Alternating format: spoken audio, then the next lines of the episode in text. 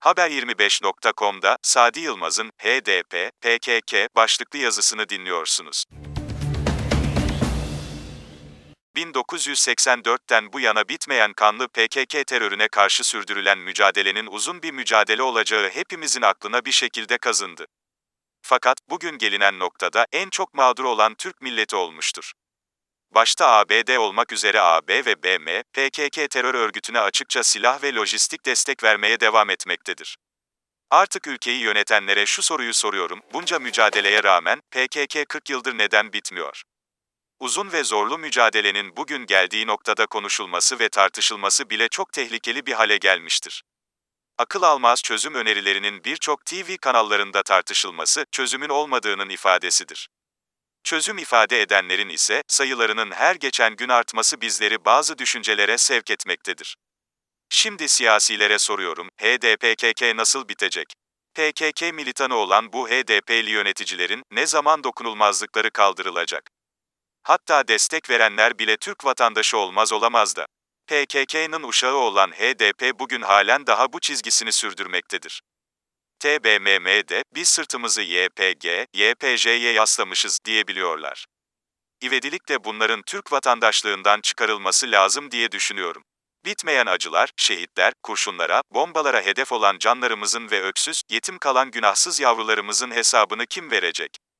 Terörün sermayesi kandır, gerçek amaçları ise yasa dışı olan uyuşturucu ticaretidir bunu da tüm dünya devletleri biliyor.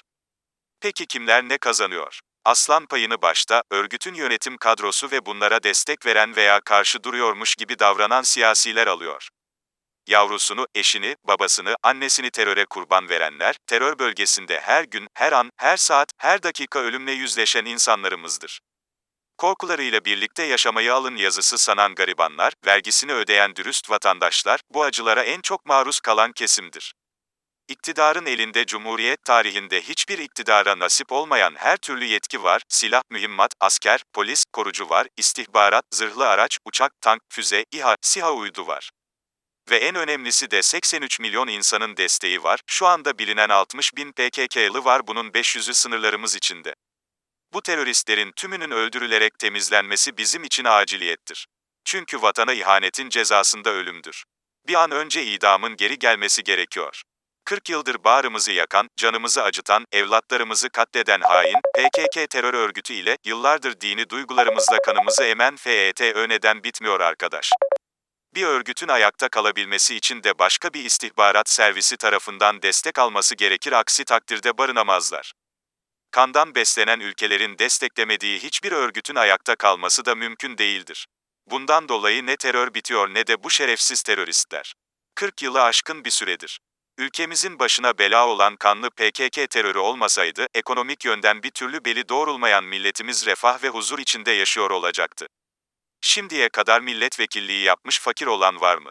Tabii ki yok. Şimdi bunlar seçimlerde milletimizin karşısına hangi bahanelerle çıkacak acaba çok merak ediyorum.